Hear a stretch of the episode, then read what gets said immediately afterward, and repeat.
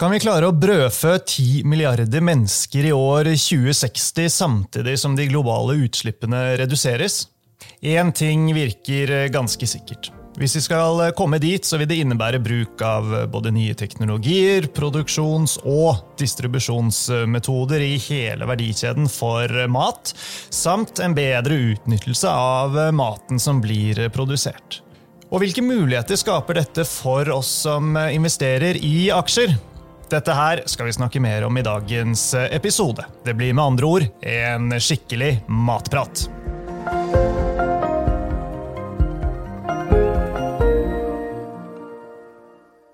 Velkommen til Utbytte, DNB-podkasten der vi forklarer hva som skjer i den globale økonomien og finansmarkedene. Jeg er Marius Brun Haugen, og med meg har jeg ingen ringere enn Audun Viksran Iversen, som forvalter fondet DNB Disruptive Muligheter. Velkommen, Audun. Tusen takk, Marius. Ja, Vi har uh, laget noen podkaster sammen i løpet av uh, de siste årene, og jeg tror de fleste lytterne våre kjenner godt til uh, deg og fondet ditt, og at DNB Disruptive Muligheter de investerer i fremtiden. Men hvorfor er mat et relevant tema for deg? Nei, Mat er jo noe vi holdt på å si, alle menneskene har på, på bordet hver eneste dag, og, og, vi trenger for å overleve. Uh, og den, Det som har vært med matindustrien, er at uh, den har vært veldig konservativ. er veldig konservativ. Og så ser vi nå at det er en del krefter som river og sliter i alle deler av verdikjeden. Sånne små distrupsjoner. Uh, og de leter jeg etter, og, og de prøver å identifisere. Det er midten av juni når vi eh, spiller inn eh, dette, men eh, vi er godt ute i juli og fellesferien. Når dere lyttere hører episoden, så får bare ta med det at eventuelle referanser det er basert på det vi vet når vi sitter her. Men det sagt så er målet i dag Audun, å gi et langsiktig, overordnet blikk på dette her. Høres ikke det bra ut? Ja, Det høres helt nydelig ut. Ja. Og Bakgrunnen for at vi sitter her eh, sammen i dag, det er at eh, DNB i slutten av mai arrangerte sin første foodtech-konferanse. Og foodtech det er jo Kort forklart et godt norsk samlebegrep for nye produksjonsmåter, teknologier og forretningsmodeller i verdikjeden for mat.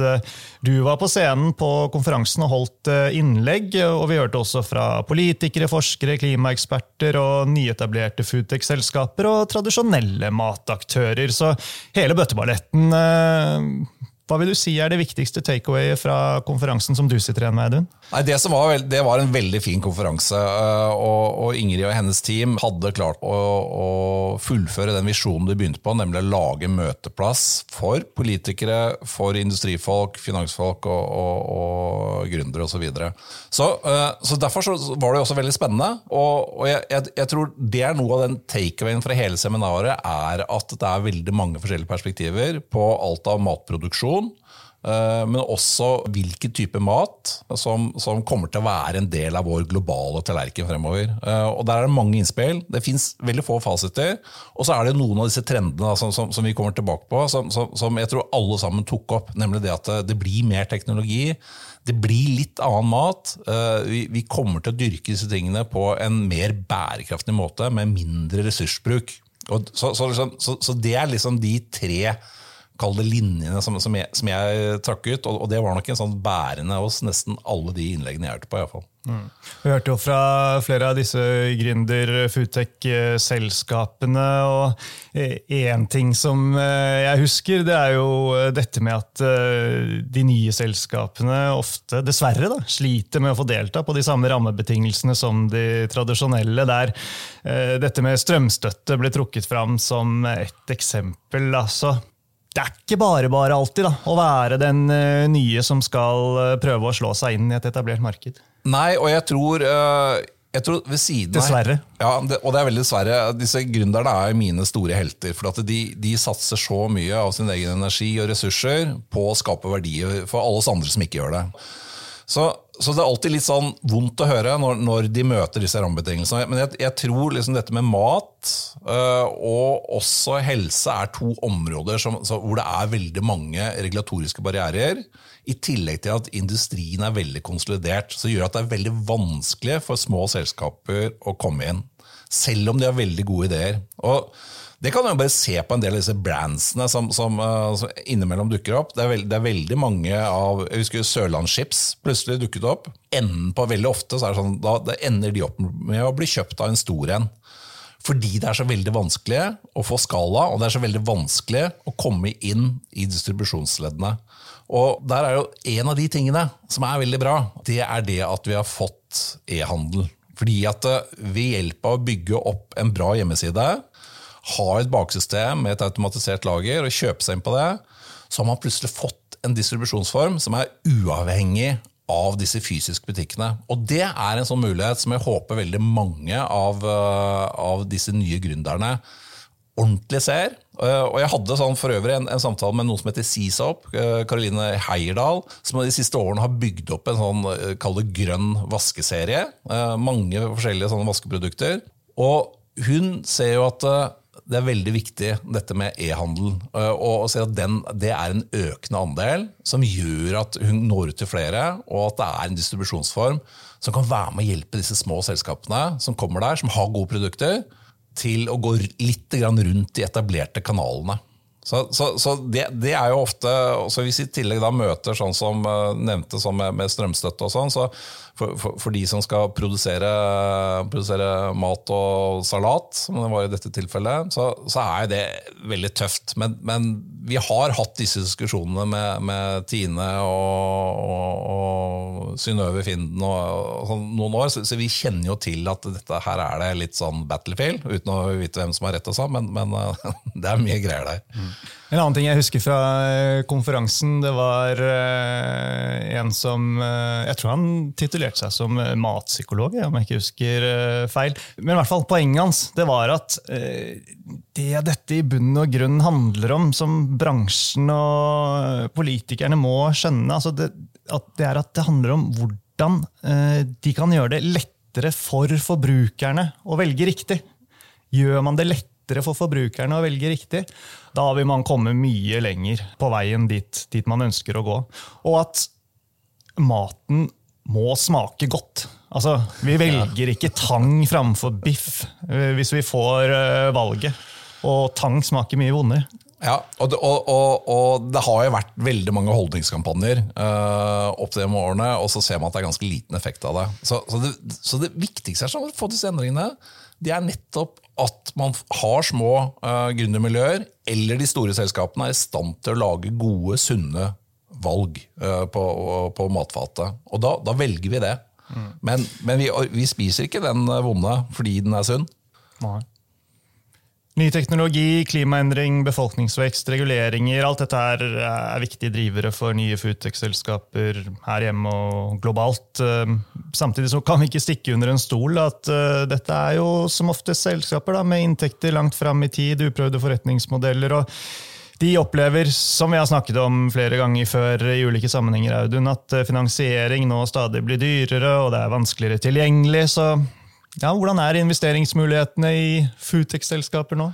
Nei, og der er det jo Jeg og, fondet mitt vi, vi investerer jo i børsnoterte selskaper. Så, så, der er det jo da, De har jo kommet veldig langt allerede. Uh, fordi de har fått tilgang til kapital gjennom en, en børsnotering. Mens jeg tror det er veldig tøft, og kommer sikkert til å være litt tøft uh, en periode til, for de som da står og banker på denne døren. Fordi nå, har, nå er det veldig stramt knyttet til kreditt kreditten rundt omkring. Ja. Men, men, også de som er børsnoterte, er jo også i mange tilfeller fortsatt i en tidlig uh, fase. Norske Desert Control er et uh, eksempel på dette. her. De har vi snakket om uh, og med før, Audun. De har en teknologi som gjør jorden mer fruktbar og, og sørger for at man trenger mindre vann for å komme dit man skal. de er jo notert på Oslo Børs. dessverre er, kan du si, så er de også et eksempel på at ja, aksjekursen den har vært fallende den siste, siste, perioden. Og nå har de hatt en sånn strategisk gjennomgang, akkurat dette selskapet den siste tiden. De holder fortsatt på med den. Også når vi sitter her, så har kursen kommet litt opp igjen. Men, men i, i, sum, da, over Langen, så, så, er det også et selskap som har hatt det utfordrende. da. Ja, og, og, og de, har, de, har, jo ikke så veldig mye omsetning. De har veldig mange piloter, som, eh, og nå i, i økende grad i USA. Jeg tror Noe av konklusjonen på den strategiske revyen var at de skulle flytte fokuset fra Arabia og over til USA.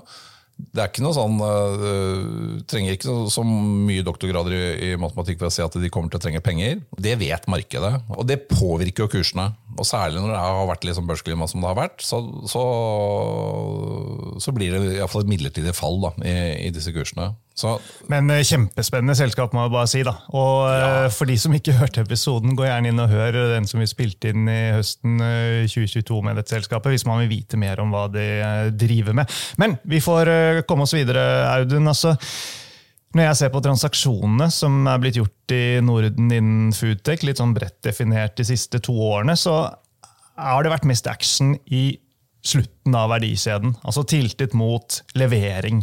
Eh, og Oda er et eksempel som mange nordmenn kjenner. Men så tenkte jeg liksom, det er vel strengt at ikke her vi ser de store nyvinningene. Altså, eller trenger de store nyvinningene. Er ikke det mer i hvor og hvordan vi produserer og innsatsfaktorene vi bruker? Er ikke her vi trenger at noe skal skje? Hvis vi skal klare det jeg sa innledningsvis, produsere mer mat og, og brødfø en voksende befolkning? Jo, og det er helt riktig det du sier der, eh, Marius. Det er at eh, hvis man skal klare å få en mer effektiv og bedre produksjon, så, så, trenger vi innovasjoner. Eh, og vi trenger å, ta i bruk teknikker som, som, vi vet om allerede i dag, men som vi ikke bruker så mye. Det trenger vi å, å, å gjøre når det gjelder selve, selve matproduksjonen. Det er ikke helt riktig at det ikke skjer så mye på denne, dette sluttleddet. altså det, det, det, å transportere varene fra en eller annen butikk og, og, og, hjem til deg som forbruker. Fordi Da er vi litt innom et annet område, som vi har diskutert mange ganger, transportsektoren. No, jo, jo, men det, jeg, jeg, sier at det ikke skjer mye der, men jeg sier at det er ikke der vi trenger det mest. Nei, nei. Det var det som ja, var poenget mitt. Ja, og og i forhold til liksom denne store, i forhold til denne, det store temaet som dreier seg innledningsvis, så er det klart at det, er, det, dreier seg veldig mye mer om innsatsfaktorene og hvordan vi produserer. Så, og, og, og, da har vi jo da har vi disse øh, ordene øh, og begrepene om, om, om presisjonslandbruket. Vi har vertikal landbruk, og vi har hele digitaliseringen av, av, av, av verdikjedene. Ja, og dette skal vi snakke mer om, men før det Utfordringen, ikke sant. Det er å brødfø disse 10 milliarder menneskene i 2060, som vi estimeres til å være da, på kloden om 40 år. Kan ikke du tegne et uh, bilde for oss av hvor mye mat vi da må produsere? Jo, og det, Jeg leste en artikkel tilbake i 2018 i et sånn populærvitenskapelig tidsskrift som heter Nature, som, uh, som, jeg har mye glede av å lese. Og Der sto det at uh, hvis vi tar all den maten som vi da har lagd siden vi, vi, ble jordbrukssamfunn for sånn ca. 8000 år siden, og så samler vi det i én stor haug, så er den haugen like stor som den haugen vi må ha for å brødfø folk fra 2020 til 2060. Og, og, og, det er liksom som Marius sa, det, dette skal vi gjøre med litt sånn bibetingelser, som er at vi skal bruke mindre vann og vi skal mindre utslipp, og vi skal ikke hogge ned regnskogene og osv. videre. Og, og da for meg da, så er jo svaret som det ofte er når jeg ser på sånne fenomener, det er at jo, her kommer det noe teknologi. Uh, så, så uh, det, er, det er kjempestore utfordringer, på, og særlig på fordi vi er litt usikre på hvordan vi har forvaltet vannressursene våre. Og vi trenger masse vann, også i de mer kalde avanserte landbrukene. Så, så, vil man bruke mindre vann, men fortsatt bruke mye vann. Eh, og, og vannressursene våre har vi mishandla systematisk gjennom så mange hundre år. At det er en ressurs som har vært fritt tilgjengelig, som nå begynner å bli knapp i områder hvor, hvor det ikke var tilfellet før. Mm. Men Istedenfor å bare skulle tenke at vi skal produsere mer mat. Og ja, vi skal gjøre det mer bærekraftig, men eh, er det ikke vel så viktig å tenke på at kanskje må vi bare kaste litt mindre, og så er vi langt på vei mot målet? Jo, og Matsvinnet er jo Det er jo mange måter å måle det på, men jeg, jeg, jeg tror hvis du måler alt matsvinnet på, så er det liksom eh, like mye som femte største land i verden spiser. Noe sånt nå. Så, så, så, ja, det er veldig viktig, og, og, det er helt forferdelig at man kaster mye mat. Og den grønne posen som iallfall vi her i Oslo har, er jo Jeg tenker på det hver gang jeg, kny, jeg slår en knute på den på toppen. at uh, ble kasta mat nå også. Ja. Men, eh, men, eh, der skjer det jo ting eh, også, så det går fremover også der. Ehm, Nå har du hatt veldig lyst til å fortelle om både vertikalt jordbruk og teknologioptimalisering og alle disse tingene, og det skal du få lov til nå, Audun. Altså, hvordan vi får en sånn bærekraftig verdikjede fra jord til bord, det er jo et veldig stort spørsmål. Da. Men hvis vi starter med vertikalt jordbruk, fortell litt om det. Ja, og det, og det, er litt sånn rart ord, men, men dette, dreier, dette, dreier, seg rett og slett om å optimalisere dyrkningsforholdene. Du tenkte et litt sånn avansert og kanskje litt høyere drivhus enn det du vanligvis tenker på. og så, så, kan man kontrollere lys, temperatur, næringsinnhold. Ofte så dyrker man ikke jord, men bare vann. Man har full kontroll på, på alt av, av insekter osv. Eh, som gjør at eh, avlingen i sånne optimaliserte eh, veksthus de blir mye høyere. Og Det man gjør, og grunnen man kaller det vertikalt, er at eh, her dyrker man i høyden. Og, og, det er litt sånn som, jeg, Ofte så, så illustrerer jeg det med, med, å tenke på sånn, Hvis du går inn på et bibliotek, så ligger jo ikke bøkene utover på gulvet. De, ligger, de er stablet oppover langs veggen. og det gjør det rett og slett, for det, da får de plass i mange flere bøker. Og, og, Det er noe av det samme prinsippet som man tar med seg inn i drivhuset. og så gjør at man, man, da kan få veldig stor produksjon på en veldig liten flate. Hovedproblemet til dette er, sånn, er at det er ganske energikrevende. Men her ser vi også at man, man da automatiserer så mye som mulig, og dvs. Si nesten alt, inkludert uh, luking og, og, og, og, ta bort hvis det skulle være et eller annet som dukker opp, uh, men også innhøsting osv. Så, videre. så fra disse, uh, disse veksthusene så kommer det ut typisk salater eller tomater som, som ikke nødvendigvis har vært berørt av en menneskehånd. Og, og, Fordelen med dette er, sånn er at det blir desentralisert, eller du kan flytte mye nærmere byen. Uh, noe, hvis du husker, Vålerenga har en sånn sang som heter 'Bønder i byen'. en fotballsang. Og det er litt det som skjer. det er at det, nå, kan, nå, kan, man flytte en del av den matproduksjonen. Uh, så det ordentlig blir nærmat eller lokalmat. Du kan flytte den inn til byene og, og dyrke der, for du trenger ikke store flater. Og Vi har sett at man gjør det i byer som Singapore, Tokyo, i, i London, som har begynt å bruke, for noen har begynt å bruke en del av disse gamle bomberommene fra annen verdenskrig, og dyrker der urter og, og, og salater. Så eh, rasjonalet for å dyrke eh, salat i høyden, eh, mer kortreist, bedre plassutnyttelse, mens ting som korn, mais og ris det vil fortsatt være forbeholdt åkrene. Ja, jeg, tror, jeg, jeg vet at de har testa ut litt ris i Japan, og, og sånn, men, men, men jeg, jeg tror nok det kommer til å være ute i friluft. Men en del av lytterne våre er vel til en viss grad kanskje kjent med eh, vertikalt jordbruk fra før, eh, i form av eh, Calera. Også en utfordring for alle selskapene her er jo at det det er fortsatt kostnadssiden, ja. er det ikke det? Og det, det, er kostnader, det er energi, det er, og det, det koster å, å, etablere seg. Det er, og det er jo sånn kjent med hele denne matproduksjonen at den er veldig kapitalintensiv. Og, og som jeg sa eh, tidligere, den biten som ikke er kapitalintensiv, der er, møter man ofte liksom vanskelige distribusjonskanaler. Så det er vanskelig å komme inn. Og, og uh, vertikalt jordbruk har jo vært et sånn type tema iallfall de siste fem til ti årene. Og man har ikke, man, man har ikke lykkes lykkes. Det er ikke sånn at man liksom har ordentlig tatt av, men, men man, hele tiden så ser man at de nye som, som kommer til, uh, de flytter dette her litt nærmere. Og da, og da, er det ofte sånn som det er med sånne, sånne endringer. Det er sånn sakte, sakte, plutselig. Mm. Så, så, vi venter på det, det øyeblikket innenfor vertikalt landbruk. Ja. En annen ting er dette som du nevnte det vel uh, i sted, Audun, uh, som går på teknologioptimalisering av innsatsfaktorene. Ting som uh, stedspesifikk gjødsling basert på satellitt og værdata og sånne ting. Det kan du fortelle litt mer om. Jeg mener du beskrev det som at Silicon Valley er kommet til Brumunddal. Ja, ja men det, ikke sant? Og, og, dette er litt sånn det, Alle disse innovasjonene som kommer ut fra teknologien, den ser bli tatt øh, og, og videreforedlet i, i, mange forskjellige industrivertikaler. og, og Landbruket er en av de. Og, og den, kanskje den viktigste aktøren å følge med på sånn, det er et stort amerikansk selskap som, som tradisjonelt sett uh, begynte å, å selge uh, traktorer, som heter John Deere. Yep. De har vært utrolig flinke eh, de siste ti årene til å, å, integrere teknologi. Så for noen investorer der ute nå, så er ikke dette et, en produsent av landbruksmaskiner, men det er et teknologiselskap. Så, så de har tatt dette med presisjonslandbruk, som egentlig bare dreier seg om, om å få mer ut av de samme ressursene. Du, du, bruker, du, bruker, litt mindre vann, du bruker litt mindre gjødsel, eh, du har mer presisjon på lukingen din. Du samler inn data på hvor var det bra å dyrke i fjor.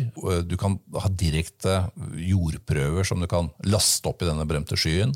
Og etter hvert som også et hovedproblem, et hovedproblem for en del av kundene til John Deere er at de har ikke hatt noe eh, dekning på, på 5G, eller på mobilnettet.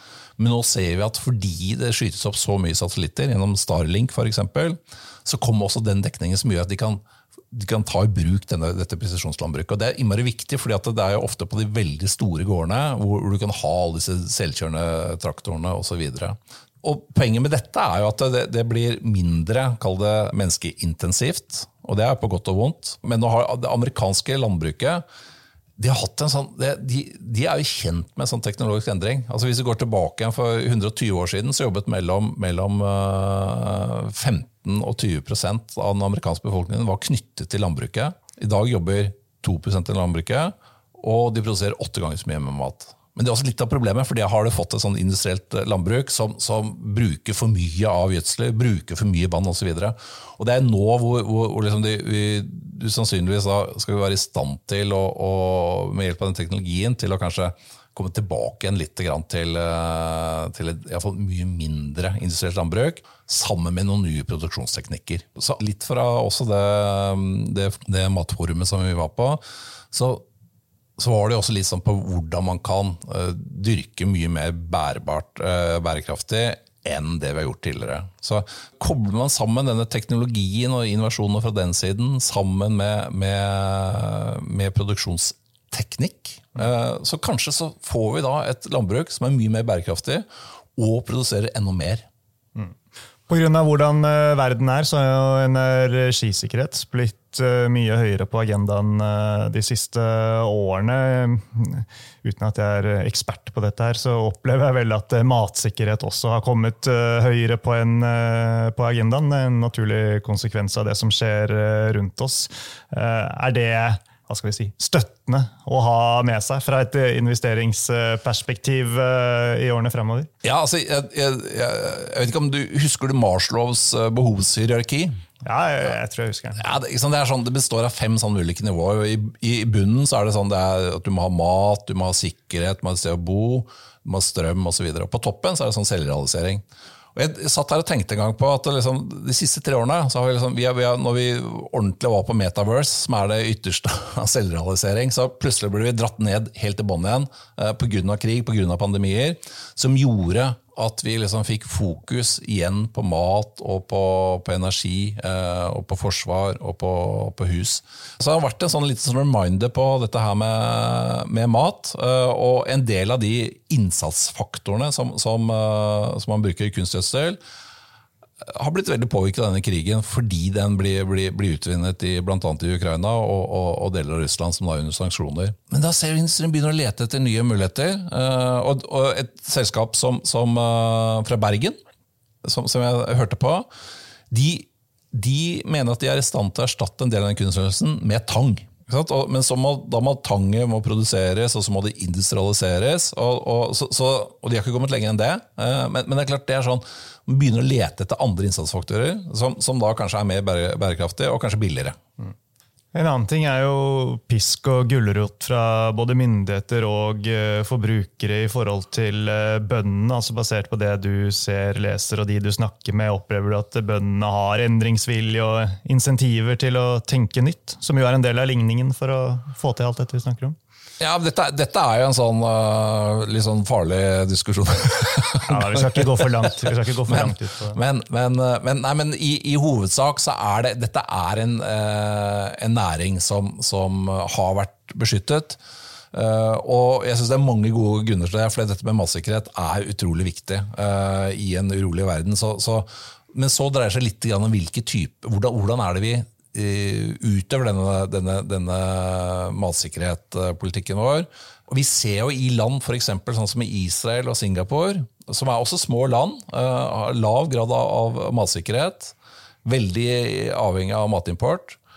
De satser teknologisk.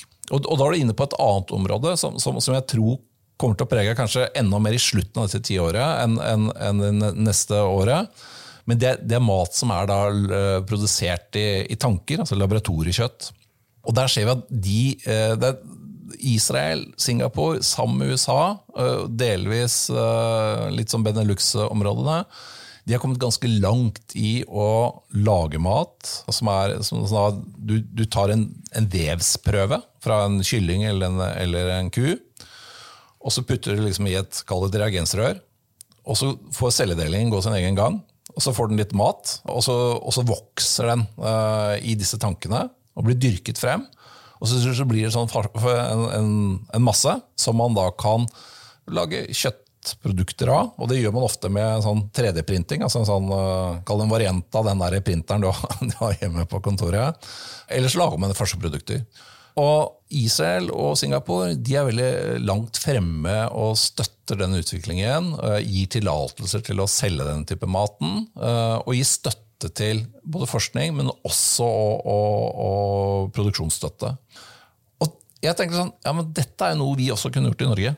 Og jeg, jeg, ser ikke noen gode grunner for at vi ikke gjør det. Og så fins det jo mange andre sånne områder også. Eh, men, men det, er, det, er, vanskelig å se at, vi, at sånne initiativ kommer. Og jeg vet, vi, vi, er, vi, forsker på det i Norge, på Matforsk, men, men, men det, er, det, er, ikke, det, er ikke, den store planen om at ja, dette er en måte å gjøre det på.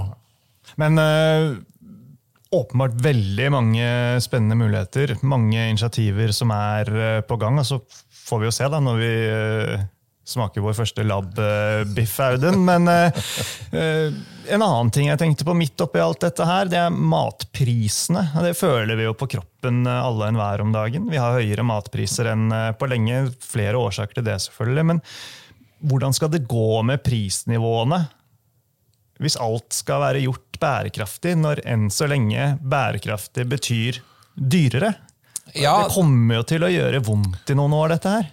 Det som er, ja, og, og, og, Gjør det ikke det? Jo, og det, det, som er litt sånn kjernen i bærekraft, det, det, er egentlig at vi skal få mer ut av å bruke færre ressurser. Eh, så egentlig så er mye av den bærekraftsteknologien som vi, som vi tenker på Vi skal bruke andre innsatsfaktorer, men vi skal få mer ut av det. Det er egentlig en måte å øke produktiviteten på. Det gjelder jo ikke alle områdene for det kaller bærekraft, men det gjelder også innenfor matproduksjon. Så, så, jeg tror at vi kommer til å kunne øke produksjonen, men det må investeres mer. Og vi er, vi er, nødt til å øke produksjonen. Og så kommer, så kommer jo sånn som denne, denne labburgeren, uh, for å kalle det det. Den første labburgeren den tror jeg ble spist i 2014, og da kosta den 250 000 euro. eller noe sånt Nå Nå mener man at denne burgeren koster 8 dollar. Og disse prisene de faller, og de faller kraftig. Eh, og etter hvert som man da lærer enda mer om produksjonen osv., så, videre, så kan dette her er en sånn måte hvor vi kan lage ganske billig mat og ganske fort. For dette dreier seg om ståltanker, det er selvfølgelig mye teknologi, men dette, dette, er sånn, dette, er ikke som å lande på Mars. Dette dreier seg om, om, om å lage ståltanker og osv. Og, så og, og optimalisere forhold høy grad av renslighet osv. Men, men dette får man til. Og plutselig da så har du da en, en proteinkilde som kanskje er den billigste. Og vi, vi, er ikke der, som jeg sier. Det er vi kanskje mer sånn i, om, om, om, ti års tid. Men da har vi et valg. Jeg, jeg kommer alltid til å like den der eh, Fiorentina-biffen. og, og, kommer til å slite med å, å spise lab-biffen. Men kanskje er den kjempegod. Ja. Og det var jo det vi sa. Den må smake godt. Ja. Det er i hvert fall eh, langt på vei. Ja, men La oss uh, runde av med spørsmålene vi stilte innledningsvis. Da. Nå har vi vært innom uh, mange forskjellige ting. Løst og fast, høyt og lavt. og Får håpe dere har klart å henge med, kjære lyttere. Men mange morsomme eksempler, da, Audun, det må jeg si. Klarer vi å brødfø en raskt voksende global befolkning og redusere utslipp samtidig? Ja, Det må vi jo bare håpe at vi klarer. Men Audun, helt til sist. altså hvis du skal oppsummere, hvor ser du største investeringsmuligheter de neste årene innen denne tematikken, basert på det du vet når vi sitter her ved inngangen til sommerferien? Nei, og, og da er det jo sånn type John Deere er jo en, en, en aksje som, som, vi eier i vår portefølje. Og det, og det, skyldes at vi vet at det kommer til å komme mange investeringer fremover. Og, og de er så langt fremme, så de har teknologisk eh, lederskap. Så, så, det er naturlig. Uh, og så, så er det jo de som produserer eh, alternative proteiner Noen av de gikk jo på børs, sånn som Beyond Meat og Oatly, som er, eh, er, er en eh, variant av, av havremelk osv. De type produktene. De har ikke vært noe suksess på, på børsen. Snarere tvert imot så har de liksom falt ganske mye.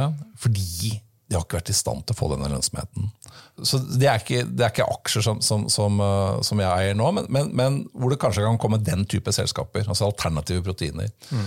Et annet selskap det er et svensk selskap som heter Humble de, ehm, det de gjør, at de har, de har, kjøpt opp en del sånne små selskaper. Av de vi pratet om her i sted, altså de som liksom møter veggen på et eller annet tidspunkt fordi de ikke får distribusjonen. Så de har, Gjennom de siste årene så har de kjøpt opp en del sånne type selskaper, og fellesnevneren for de er at de har lagd kall det grønne produkter. Enten alt fra tannbørster til sjokolade og snack osv. Og, så og, det har de gjort i mange land, så, de har plutselig blitt en sånn distribusjonsledd med, med, veldig mange ulike produkter. Så, så det er et selskap som, som, uh, som, da har fått litt juling nå fordi at de har tatt opp litt for mye gjeld. Og så får vi se om de klarer å løse noe på det. Men, men, det er et sånn veldig morsomt case som, som har en del av den, den produktporteføljen som vi kommer til å se mye mer av de neste årene. Det er på tide at vi uh, runder av for denne gang, uh, Audun. Dette her var gøy, som uh, alltid. Jeg, jeg, blir sulten av denne matpraten. Skal vi gå og få oss litt lunsj, kanskje? Ja, Strålende idé. Ja. Da får vi bare si fortsatt god sommer, alle sammen. Og tusen takk for at dere hører på Utbytte.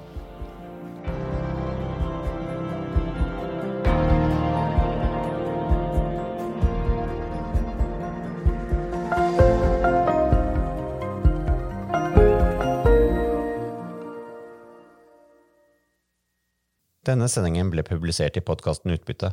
Innholdet i sendingen er å anse som markedsføringsmateriale fra DNB og er ment å være generell spareveiledning. Sendingen skal ikke oppfattes som et tilbud om å kjøpe eller selge finansielle instrumenter, eller som investeringsrådgivning tilpasset den enkelte investors situasjon.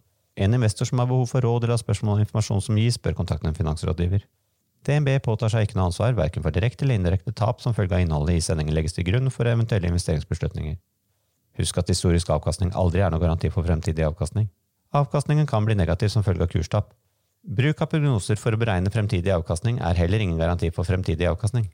Innholdet i sendingen bygger på informasjon fra offentlig tilgjengelige kilder som DNB ser på som pålitelige, men som ikke er uavhengig verifisert. Følgelig gir DNB ingen garanti i forhold til nøyaktighet og fullstendighet. Alle uttalelser her reflekterer DNBs, den enkelte ansatte, eller andre tredjeparts vurderinger på tidspunktet for den aktuelle sendingen, og kan i ettertid endres uten nærmere beskjed. Ytterligere informasjon om bl.a. kildebruk og interessekonflikter er tilgjengelig på dnb.no skråstrek invest, bindestrek disclaimer.